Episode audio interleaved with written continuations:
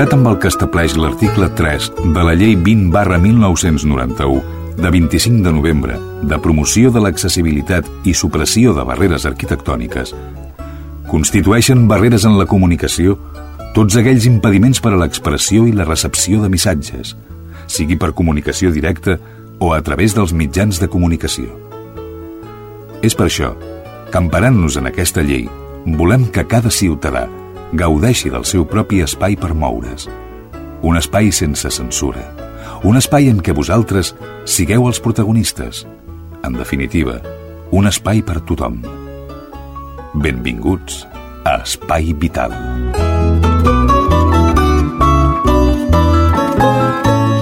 Ben trobats a la sintonia de la vostra ràdio municipal. Podeu estar escoltant Ràdio Sabadell, Montcada Ràdio, Cerdanyola Ràdio, Ràdio Barberà, Ràdio Santa Perpètua o Ripollet Ràdio.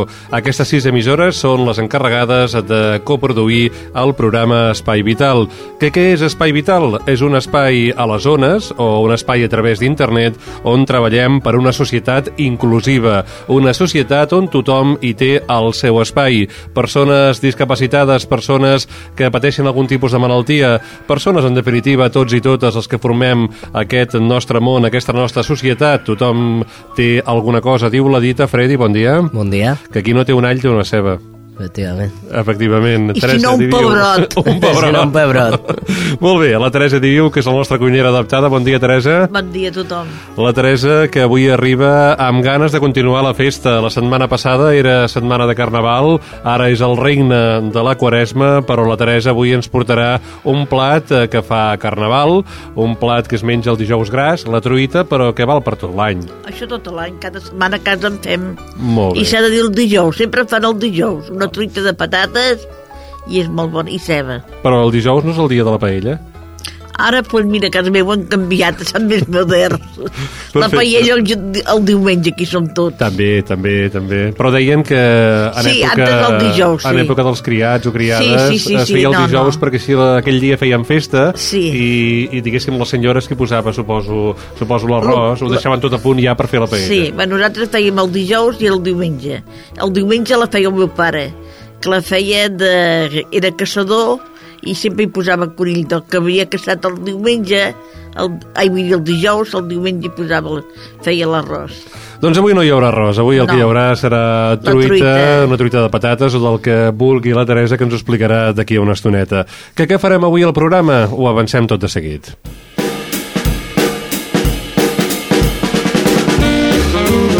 Avui entrevistem a Montserrat Capdevila. Ella és tinenta d'alcalde d'Innovació, Indústria i Promoció Econòmica de l'Ajuntament de Sabadell. Amb ella parlarem d'iniciatives que s'han fet a la ciutat cocapital de la comarca per promoure la integració laboral de persones amb discapacitat i, en general, de persones de l'anomenat tercer sector, gent que té dificultats per accedir al món laboral. També parlarem amb Ricardo Arroyo. Ell és un veí de la ciutat de Cerdanyola que promou un treball que es diu Jo soy sensible i tu mírame. Eh, neix aquesta idea al Facebook i s'està transformant en una fundació. En Ricardo es comentarà quina és la feina que està fent a través d'aquesta iniciativa. Tindrem les corresponsalies amb les emissores coproductores d'aquest programa. Sabem què passa a les diverses localitats. En Freddy, l'Alfredo Ángel Cano, ens explicarà o destacarà alguna idea, alguna notícia publicada al blog del programa i la Teresa, que ja la tenim remenant eh, coses per la cuina, ens portarà la recepta adaptada. Tot això, com sempre, amb el guiatge tècnic d'en Jordi Puy i la vostra col·laboració, oïdors, oïdores. Si us sembla, comencem a fer ràdio.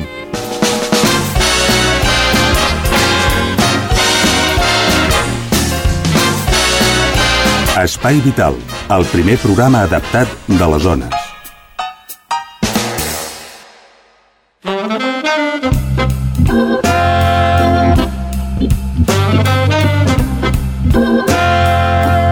Una informació publicada al diari de Sabadell, en concret en l'edició del dissabte dia 6 de febrer, mostrava una gran fotografia on es volia il·lustrar un acte de reconeixement públic a 130 empresaris que van participar a principis de febrer en la jornada Intergrem.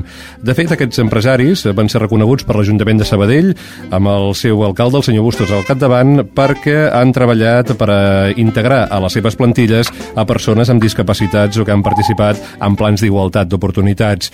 Nosaltres eh, ens va agradar força aquesta informació, hem volgut indagar sobre aquesta jornada i hem vist que al darrere de l'organització municipal, a banda de tècnics i tècniques, hi ha la senyora Montserrat Capdevila, que és tinenta d'alcalde de Formació, Indústria i Innovació de l'Ajuntament de Sabadell. Senyora Capdevila, bon dia. Molt bon dia.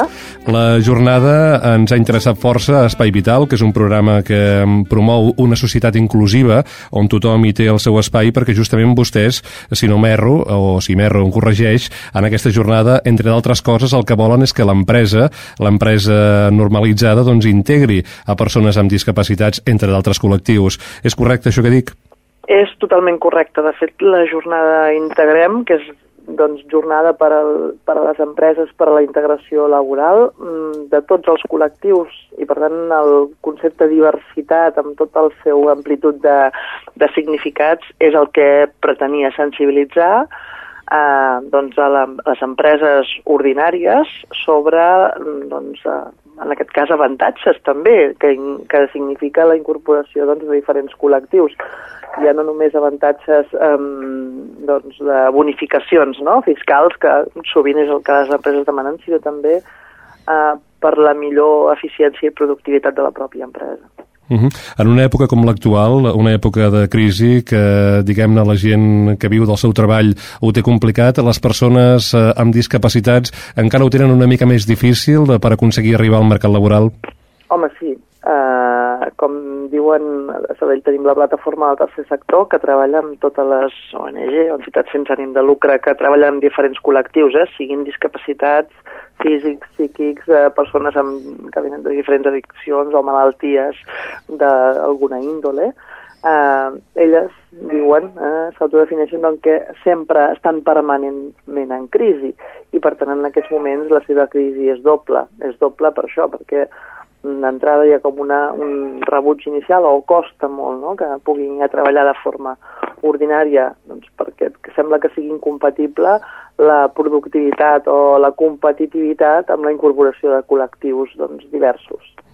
Suposo que és important que aquestes entitats eh, comptin amb el suport de l'administració, però al mateix temps a les persones que hi formen part o les persones que en poden resultar beneficiades accedeixin, per exemple, a formació, eh, puguin tenir les eines eh, que els permetin poder integrar-se en el mercat laboral. Eh, el tema de la formació, per qualsevol treballador o treballadora, és vàlid, però especialment per la gent que ho té més difícil, encara potser si es pot dir així, és més vàlid encara. Home, efectivament, eh, una de les... Un, de fet, aquesta jornada incorporava diversos seminaris, diversos seminaris per les empreses, però també eh, per les persones. Era el tema, el talent.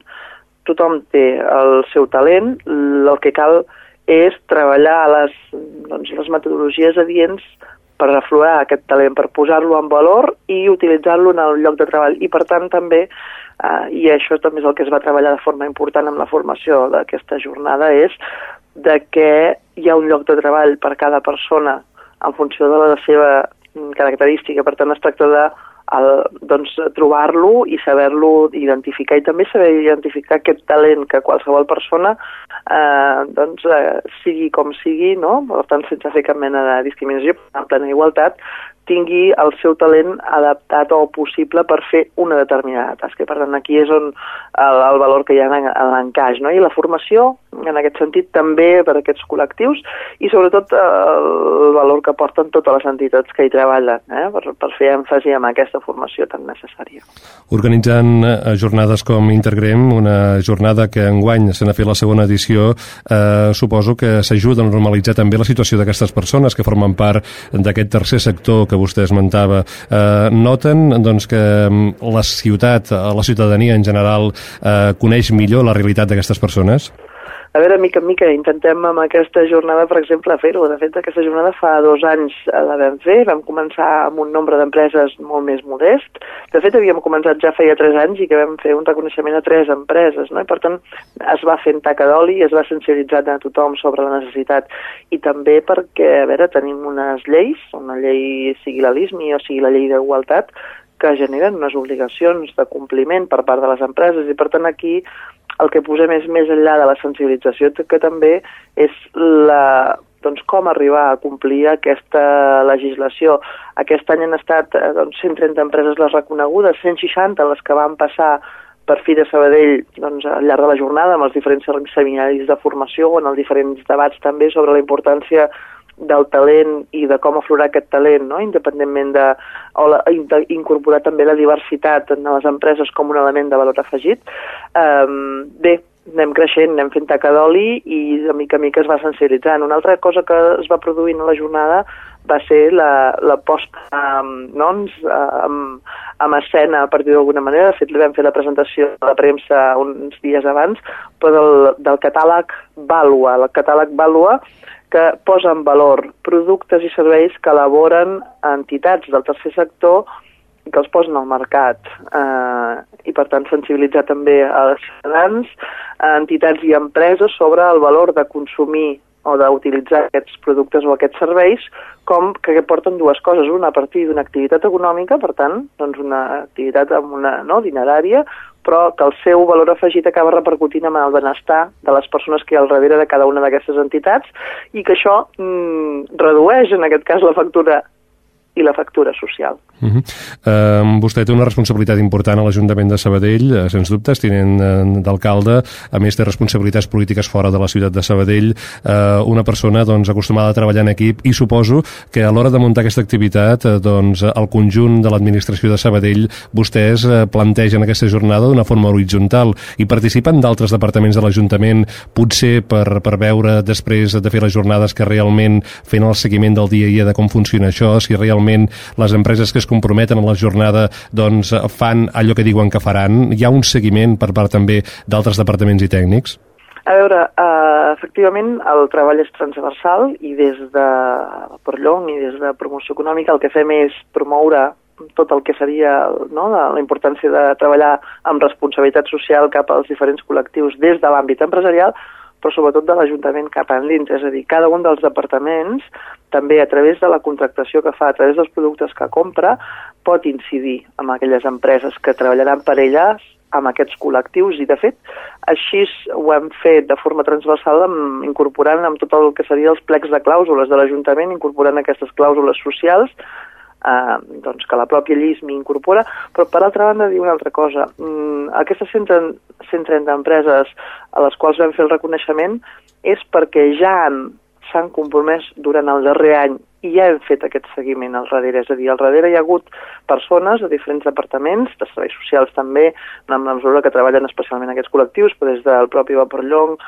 doncs el Servei d'Orientació i Integració Laboral, s'ha fet un seguiment exhaustiu a casa, a cada, a casa de cada una d'aquestes empreses doncs, per acompanyar-los, més que fiscalitzar-los. L'objectiu quin és acompanyar-los, doncs jo crec que el grau de satisfacció ha estat mm, alt amb la mesura que ha sigut això, no? Mm, no és que ho hagin de complir, ja ho han acomplert aquest any i s'han compromès. I jo crec que al acabar la jornada i després allò que fas, eh, no, comentes la jugada amb les empreses que estaven allà, el grau de satisfacció, mm, jo diria que més enllà de l'economia i de la situació econòmica, personal també, no?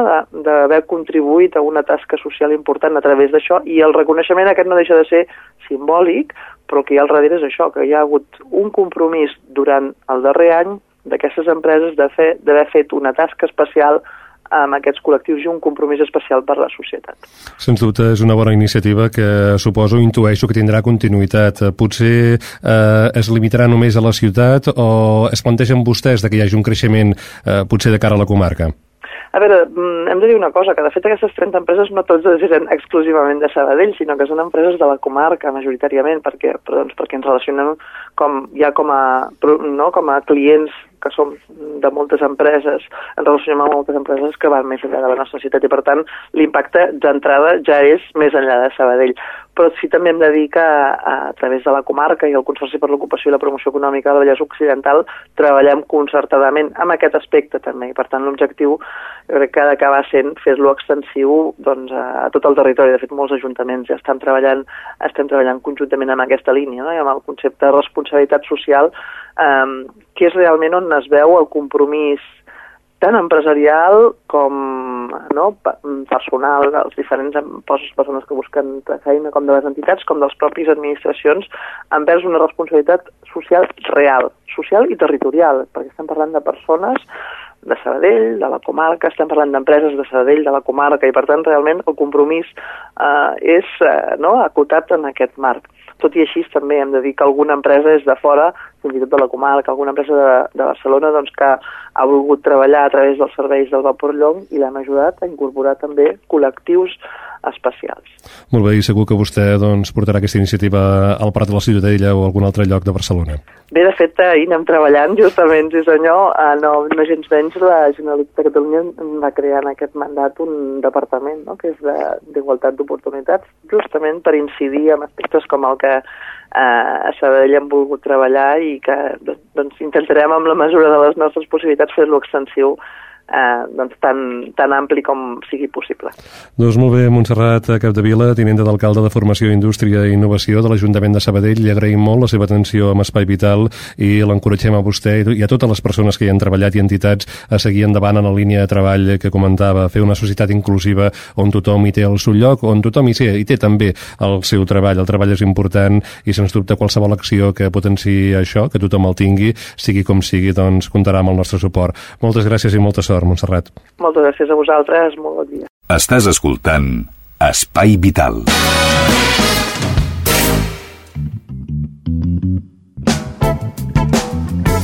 Les tecnologies 2.0 són importants i, de fet, aquest programa Espai Vital té el seu lloc a les tecnologies a través eh, dels blogs, per exemple, en tenim un.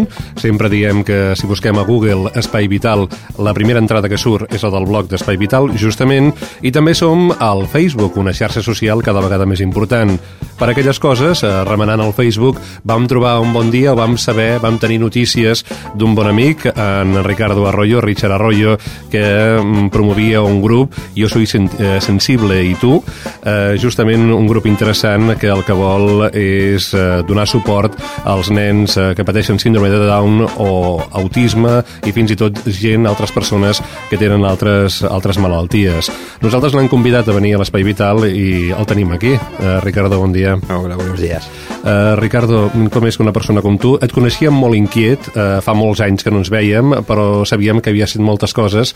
Eh, per què decideix una persona com tu tu un bon día doncs, promoure aquest grup Yo Soy Sensible, ¿y tú? Bueno, pues eh, después de la experiencia querida en, en, mi, en mi pasado, ¿no? Una experiencia eh, donde se podía llegar a, a esa gente, mm, un día pensé, se me encendió la, se me encendió la lamparita después de tantos años, eh, intentar crear un, un, espacio donde yo podía expresar mm, mis inquietudes y mis, mis sensibilidades, ¿no? Un día fui a una exposición en la, en la, en la Caixa y me impactó, me impactó mucho unas imágenes que vi, ¿no? Y a, a través de, de, esas imágenes creé, creé la página en la que empezó con muy poquita gente, empezaron, me parece que eran 15, 20 personas, ¿no? y vi que em, empezaba a tener un, una inquietud, ¿no? una inquietud de la gente, a la gente le inquietaba lo que era la, la violencia, la violencia ya sea infantil, ya sea uh, masclista, la, la, lo que era el síndrome de Down, lo que era el autismo, lo que era mmm, la fibromialgia, la esclerosis múltiple, y toda esa gente eh, us, usaban lo que era la, lo que era yo soy sensible para como ventana, como, una, como esa ventana al mundo para expresar lo que esas inquietudes, ¿no? Esas personas que se sentían un poquito marginadas por nosotros. Y bueno, mmm, empezó a tener una respuesta, mmm, vi que podía ser una herramienta, una herramienta para conseguir algo para estas personas y me puse en contacto con la Fundación Mutuan, en la que ellos indirectamente eh, se le hacía una publicidad indirecta y ellos nos daban a nosotros un euro por cada persona o comentario realizado en esa página. tal ha sido el éxito que nosotros pensamos en ese dinero destinarlo a asociaciones eh, asociaciones de este tipo, asociaciones de síndrome de Down, asociaciones de fibromialgia, esclerosis múltiple, pero vimos que mm, estaba teniendo una respuesta más, más esperada de lo que en principio que queríamos que, fuera, ¿no? Entonces pensamos crear nuestra propia fundación, la Fundación Yo Soy Sensible, ¿no? En la que vamos a, luchar por la igualdad eh, de esos niños, esos niños de síndrome de Down, esos niños autistas, la que nosotros lo vemos como mm, últimamente mucha gente decimos que son como los niños tontitos, ¿no? Los niños, ese, ese niño es un normal, ese niño es intentar concienciar desde la fundación y con las herramientas que nos está dando Facebook y las herramientas que nos está dando las personas que han entrado en esa página, sea una herramienta para intentar que esos niños se crean, se estén en, los colegios i, i en nostres espacis que siguin com un niño más, no? Sí. Uh -huh.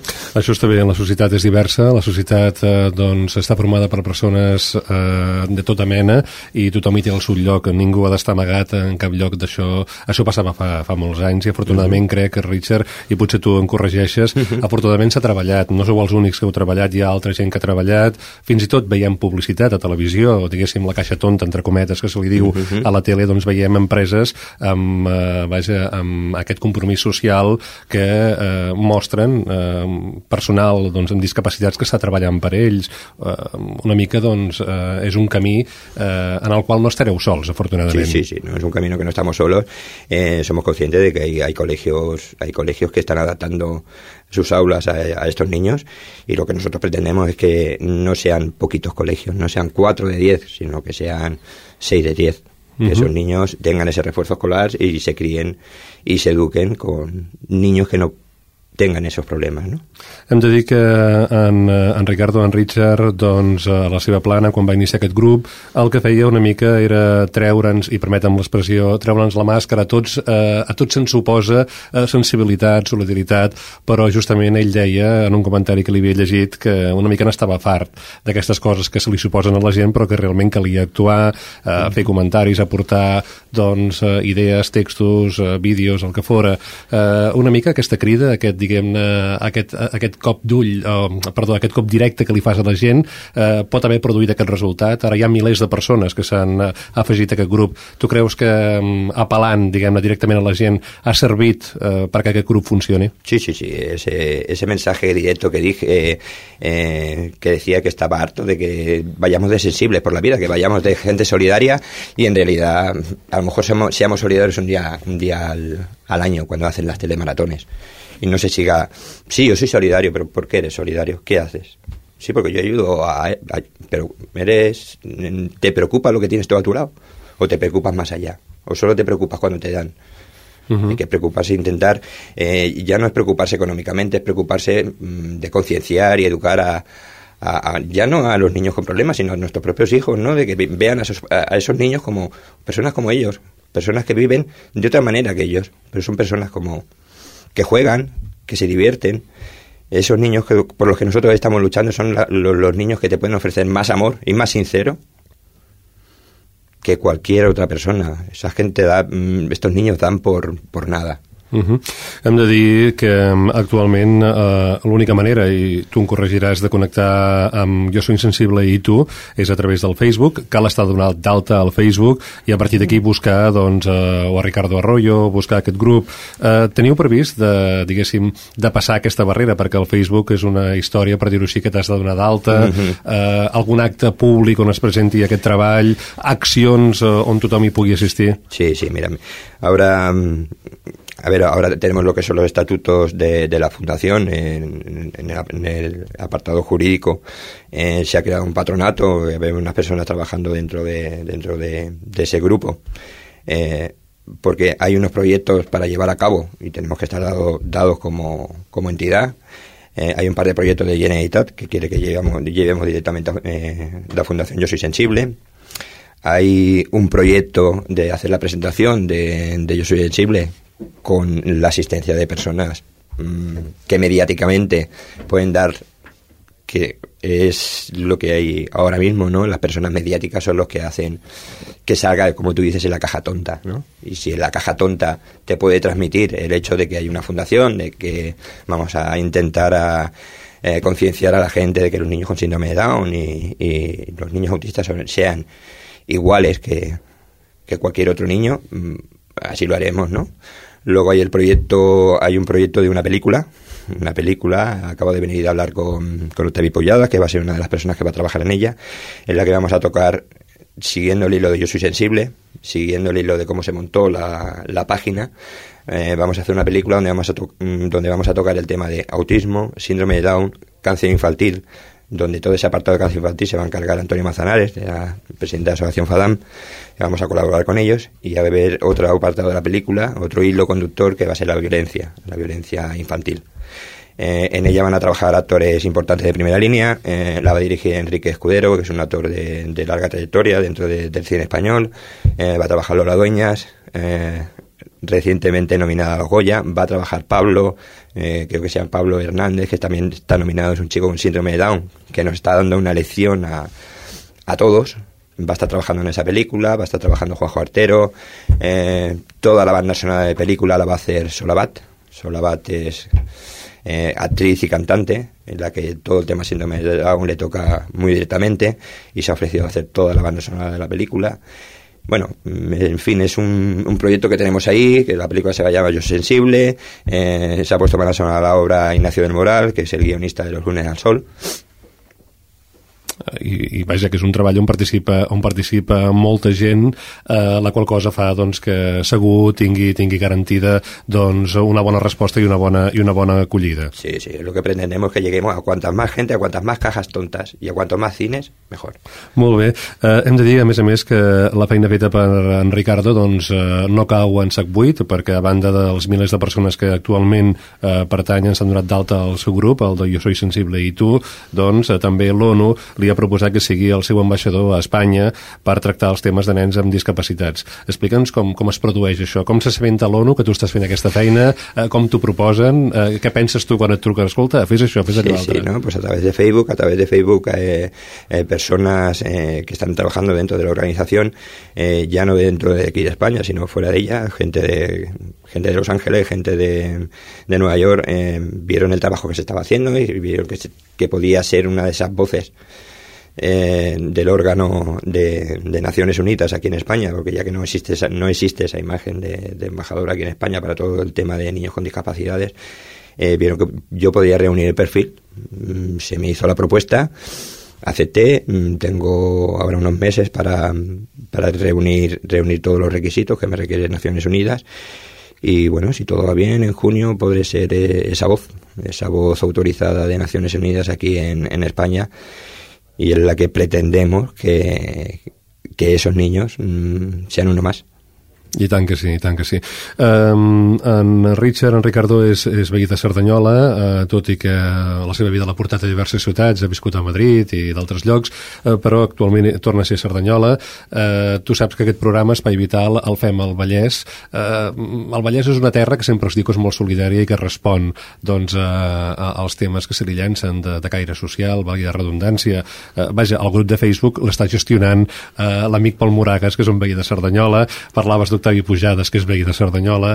Eh, pel que fa al Vallès, si l'ampliem una mica més, eh, les respostes eh, que t'han arribat a la teva proposta, hi ha molta gent del Vallès que s'han motivat, que està participant, eh, t'estan fent costat en aquesta idea del Jo soy sensible? Sí, sí, hay mucha gente de, de, digo, de la comarca Sabadell, eh, Terrassa, Moncada, Ripollet, personas que, que me envían, me envían correos diariamente dando las gracias por esta, por esta iniciativa, por esta página, por los vídeos que suelo usar como herramienta para concienciar a la gente.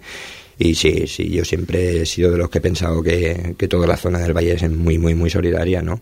Se ha visto cuando se ha dicho las telemaratones, cuando, cuando ha habido que dar una respuesta a cualquier situación, toda la comarca ha estado ahí.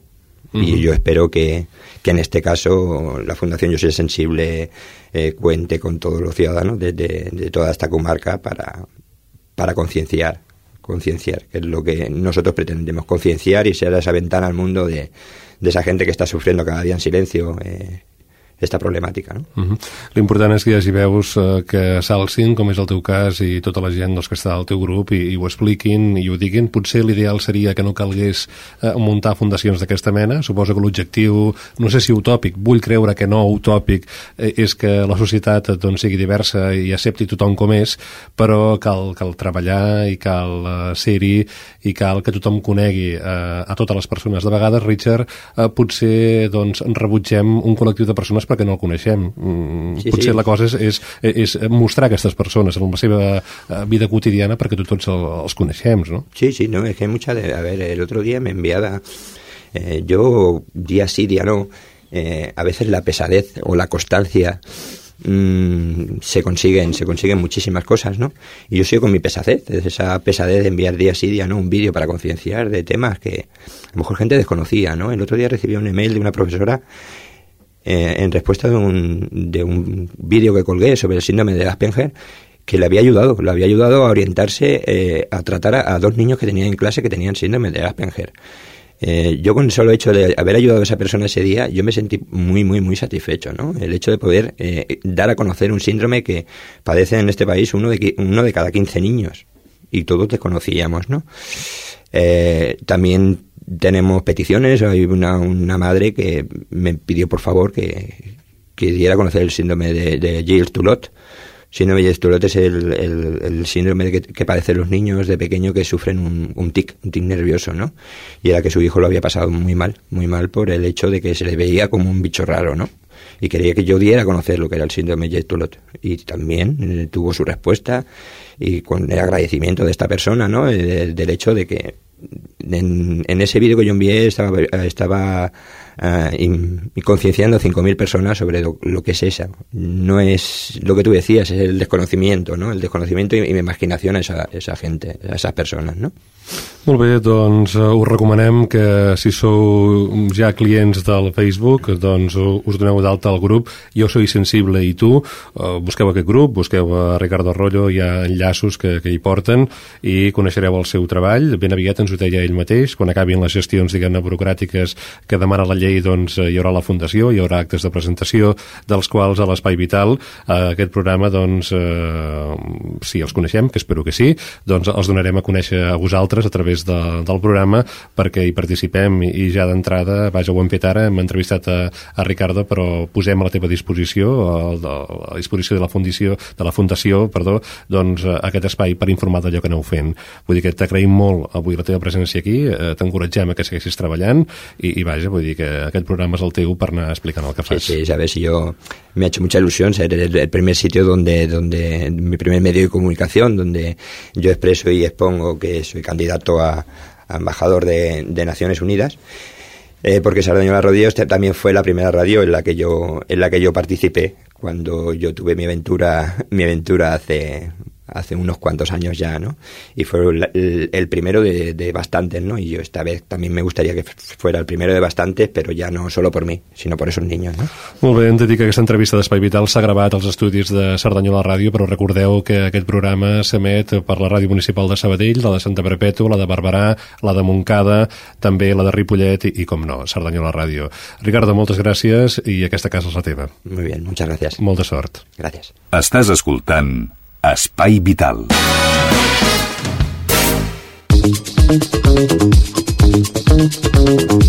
És el moment a l'Espai Vital de començar a veure què és el que passa per la comarca. Les ràdios municipals ens envien les seves cròniques, la qual cosa ens agrada moltíssim i, com sempre, en donarem pas. Avui començarem el nostre recorregut a Santa Perpètua de Mogoda. L'estrella Núñez és qui ens acompanya, qui ens explica l'actualitat de la seva ciutat i ens comenta que la jove orquestra de Santa Perpètua prepara un concert solidari. Salutacions des de Santa Perpètua.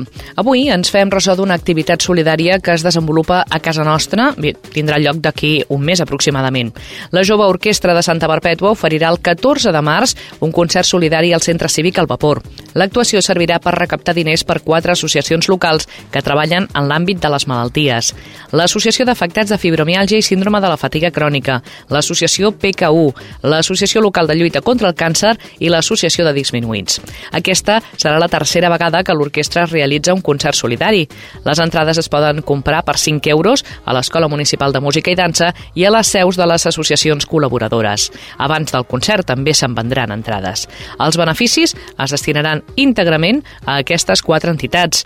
La jove orquestra està patrocinada per l'empresa farmacèutica Zambon, que està situada al polígon Can Bernat de Sobirà de Santa Perpètua de Moguda. Si voleu assistir a un concert solidari, us podeu reservar el 14 de març i venir a Santa Perpètua a gaudir de la Jove Orquestra, una formació composta per una vintena de joves d'entre 18 i 25 anys que tots ells en algun moment han estat alumnes de l'Escola Municipal de Música de Santa Perpètua. Fins la setmana vinent. De Santa Perpètua cap a Montcada i Reixac, a Montcada Ràdio, Sílvia Díaz ens explica que l'Associació Catalana de la Síndrome de Ret ha obert una delegació en aquesta ciutat. Hola, salutacions des de Montcada, l'Espai Vital. L'Associació Catalana de la Síndrome de Ret, a la qual pertany una família del municipi, té ara la seva seu a Montcada, en concret al Cursal, al barri de Can Sant Joan. L'equipament va ser escenari el dia 6 de febrer de la presentació del conte Un dia a la neu, que ha editat l'entitat amb l'objectiu de repartir-lo per escoles i hospitals i sensibilitzar així la població sobre aquesta malaltia neurològica que afecta principalment les nenes i que té el seu origen en una alteració genètica que encara s'està investigant. Es calcula que a Catalunya hi ha al voltant de 350 persones afectades. El conte, escrit per Gerard Baguer i il·lustrat per Laura Reixac, està protagonitzat per la Clareta, una nena amb síndrome de Ret. La publicació costa 15 euros i els beneficis de la seva venda es destinaran a la investigació. Aprofitant la seva estada a Montcada, els responsables d'aquesta entitat eh, també van fer una crida a la població perquè participi a la gala benèfica que tindrà lloc a la Masia de Reixac el proper dia 21 de maig. Responsables de l'associació atendran les consultes de les famílies tots els dimarts i els dijous d'11 del matí a dos quarts de dues del migdia al Cursal de Can Sant Joan. Doncs bé, això és tot. Fins la setmana vinent. Marxem cap a la cocapital de la comarca, cap a Sabadell, a Ràdio Sabadell. Laura Díaz ens explica que l'Ajuntament d'aquesta localitat, d'aquesta ciutat, ha engegat el camp la campanya de vacances per a la gent gran. En concret, s'han obert les inscripcions. Salutacions des de Sabadell. A partir de demà s'obren les inscripcions per les vacances de la gent gran de la ciutat. L'Ajuntament posa a disposició dels majors de 65 anys 5.000 places per viatjar a un grapat de destinacions que van des de la Catalunya rural a capitals europees per un preu que oscil·la entre els 300 i els 650 euros. La regidora de Serveis Socials a l'Ajuntament de Sabadell, Maria Ramoneda, parla de les vacances de la gent gran. El gran valor d'aquests aquest, viatges és l'acompanyament que tenen i per tant estan segurs i a més a més doncs, van amb la població, amb la seva gent, amb la gent de, de, de, doncs, de, de la ciutat. Clar, té, té unes característiques que moltes vegades això no poden trobar-ho doncs, a vegades doncs, amb una agència de viatge, que avui viatgen per tot arreu. Però diu, aquesta té una connotació molt diferent que és aquesta, aquesta l'amistat, la solidaritat, el coneixement d'ells. De de, aquest any, tenint en compte l'actual situació econòmica, les rendes més baixes poden optar a un 50% de la bonificació del preu del viatge. D'aquesta manera, l'Ajuntament vol garantir que tota la gent gran de Sabadell disposi de les mateixes oportunitats per viatjar. I és que hi ha molts avis, com recorda Ramoneda, que gràcies a aquestes sortides poden tornar a visitar la seva terra. Molta gent doncs, que, que s'ha envellit aquí i que, que té il·lusió per tornar altra vegada doncs, a visitar, que no havia vist, perquè molta gent de poblets d'Andalusia ens hem trobat amb què havien sortit molts joves del seu poble però no havien visitat doncs, les, les ciutats i quan van allà i, i, eh, i, bueno, i descobreixen la cultura i la història no s'ho creuen eh, eh, és, és curiós hi ha moltes experiències molt agradables en aquest aspecte les vacances de la gent gran de Sabadell començaran el pròxim abril i acabaran l'octubre. El termini per sol·licitar una plaça sobre demà i s'allargarà fins al 5 de març. L'assignació es coneixerà entre el 10 i el 26 de març. Mònica González, de Salanyola Ràdio, ens parlarà a continuació d'un tema que en la darrera edició comentàvem amb en Xavi Casas, el nostre inspirador, la nostra ànima que vella sempre per l'Espai Vital, que ens acompanyava en directe per parlar d'iniciatives solidàries que fan suport a la lluita contra l'esclerosi múltiple. La Mònica González, que per cert era al tercer certamen Fem Monòlegs, ens posa al nostre abast justament el balanç, els diners que recolliren d'aquesta iniciativa. Quan vulguis, Mònica. Salutacions a espai en Vital des de Cerdanyola Ràdio. El tercer certamen Fem monòlegs, celebrats la setmana passada al Teatre de l'Ateneu, va aconseguir recaptar 2.420 euros que lliuraran a la Fundació Esclerosi Múltiple. La sala sardanyolenca va omplir una bona part del seu aforament per participar en una ballada carregada de bon humor per a una causa solidària, la lluita contra l'esclerosi múltiple. La representant de la Fundació Esclerosi Múltiple, Mercè Sancho, va explicar al públic assistent a l'esdeveniment que els diners es destinaran a la investigació per trobar com vèncer la malaltia i per finançar els centres de dia que manté la Fundació arreu del país. Xavier Casas, portaveu de l'organització i presentador de l'acte, valorava molt positivament la resposta del públic al certamen. Especialment agraeix a la col·laboració dels monologuistes Vanessa Talà del Tigre, Anscar, Alberto Castro i Dani Pérez, que van animar la festa. També remarca la feina de Carlos Soler, director artístic de la Vallada, Toni Marín, tècnic de la sala, i el suport de la Regidoria de Cultura de l'Ajuntament de Cerdanyola. I això és tot. Salutacions novament des de Cerdanyola Ràdio. De Cerdanyola cap a Ripollet, Francina Ricard ens explica el treball del voluntariat lingüístic a la ciutat. Des de Ripollet us informem que el Voluntariat per la Llengua segueix amb la seva feina. Voluntariat per la Llengua és un programa que facilita que totes les persones que ja parlen una mica el català i es volen llançar a parlar-lo el puguin practicar en un context real i distès amb una persona voluntària. Durant l'any 2009 a Ripollet es van crear una cinquantena de parelles lingüístiques que s'han anat trobant una hora a la setmana durant 10 setmanes. Aquest és el mínim compromís que es demana a les persones voluntàries i aprenents per poder formar part d'aquest programa. També poden col·laborar en el programa els comerços i les entitats locals que fan difusió els seus associats i garanteixen que les parelles lingüístiques que vagin a l'establiment trobaran facilitats per expressar-se i ser ateses en català. El Voluntari per la Llengua és un programa creat per la Secretaria de Política Lingüística i impulsat pel Consorci per la Normalització Lingüística. I això és tot des de Ripollet Ràdio. Doncs nosaltres tancarem aquest recorregut eh, per la comarca a Barberà del Vallès. A Ràdio Barberà, Judit González ens explica que l'Ajuntament d'aquesta ciutat, l'Ajuntament barberenc, doncs potencia activitats eh, per la salut de la gent gran. Salutacions des de Ràdio Barberà. La setmana passada es van iniciar a Barberà del Vallès totes aquelles activitats incloses dins el programa per la gent gran relacionades amb l'activitat física i la salut. Així doncs, tots aquells ciutadans i ciutadanes de la tercera edat que es van anar a apuntar a aquest bloc han començat les seves classes de gimnàstica, un taller per millorar la flexibilitat, la coordinació i el to muscular. Un altre és el de Xican, on es treballen exercicis suaus que permeten regular el cos, la respiració i la ment per millorar la salut i cultivar l'esperit. El tercer taller és de moviment conscient i relaxació, mitjançant la respiració, la relaxació i els estiraments suaus i senzills de les cadenes musculars s'alliberen les tensions, s'eviten lesions i es recupera la mobilitat natural del nostre cos. Finalment, dins d'aquest bloc també es troba el circuit de salut, on es realitzen passejades d'intensitat mitjana. Així doncs, una edició més del programa per la gent gran de Barberà del Vallès que centra i preocupa per la salut dels més grans. Estàs escoltant Espai Vital.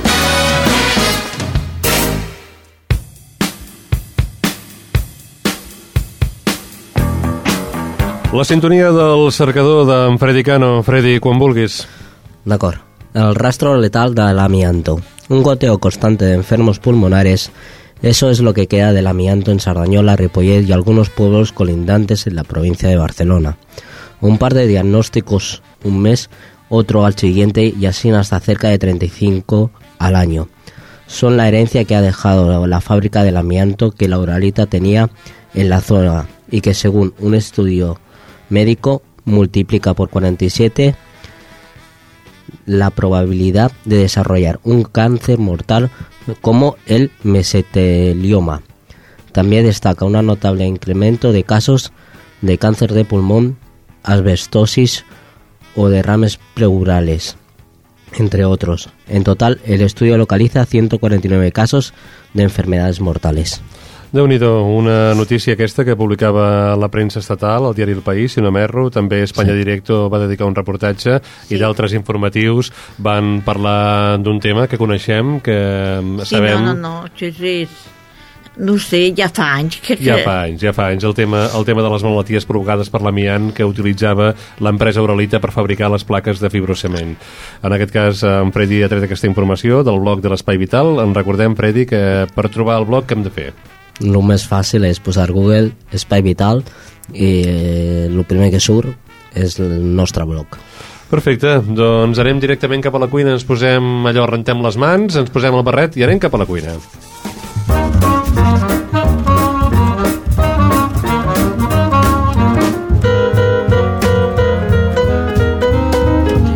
I el que fem és anar cap a la truita de patates. Uh, Teresa, les patates uh, ja les tenim, les hem de pelar, suposo, perquè en pell sí, malament, eh? mira, però esclar, això jo dono cuina, vull dir, per la persona que no pot. Què fem, llavors? Si no les podeu pelar, jo tenia una fusta amb tres claus i que la va ballar la patata i la pelava.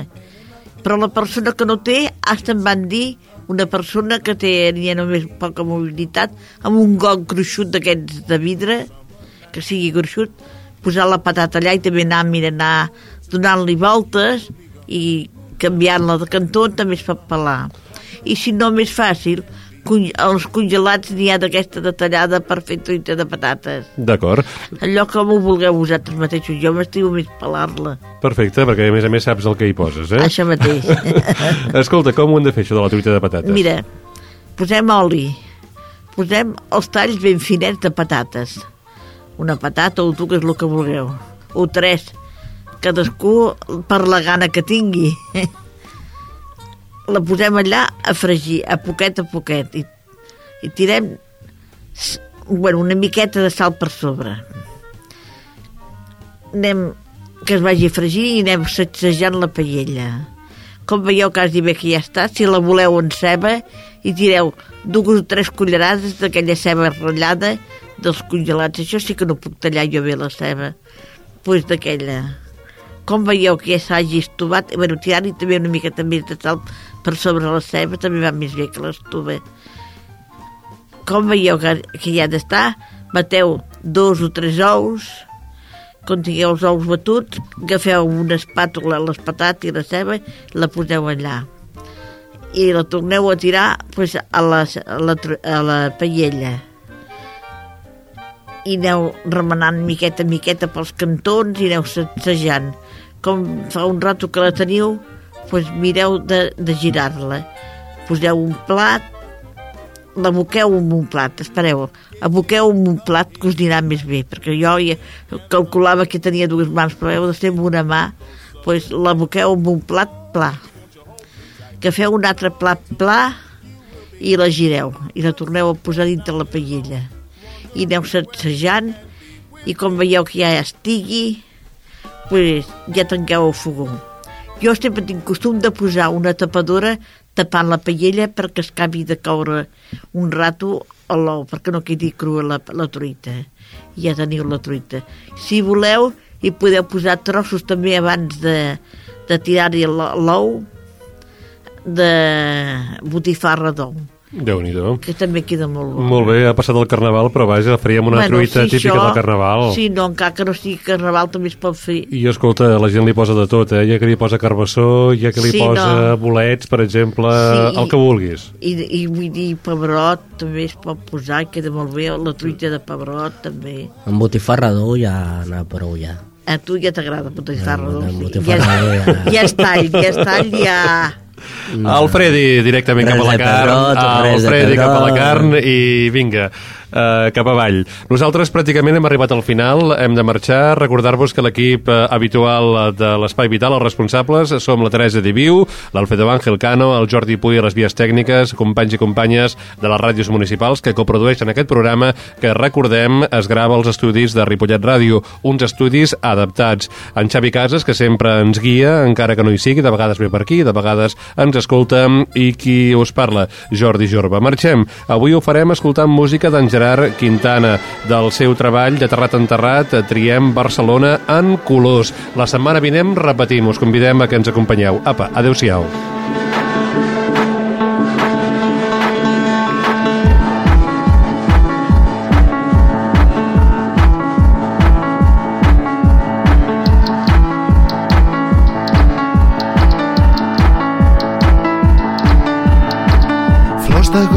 Fulles noves i cançons. La ciutat és un tresor per mi tot sol. Molts de guiris i pendons amb unes turques de collons i cerveses del Pakistà ta ta ta ta ta ta ta ta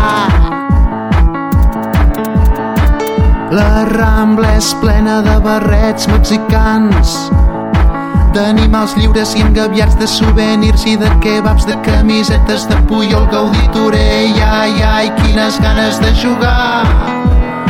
Tot ple de noies i dolors, quin perfum d'agost. Barcelona,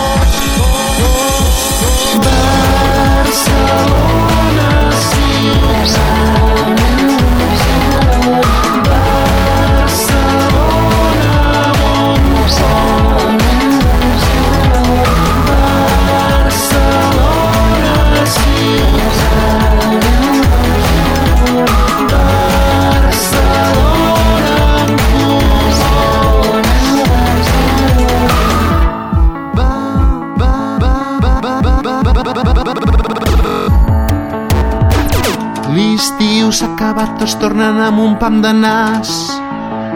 Tots els carrers estan tallats. Avui hi ha manifestació. A cada hora, a cada cantó.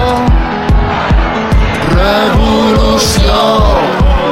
No arribo a casa ni demà, ja, ja, ja. Me'n vaig a Gràcia a passejar. Canvia tot, no són les dos i està tot mort. Allà hi ha uns tios amb uns tambors.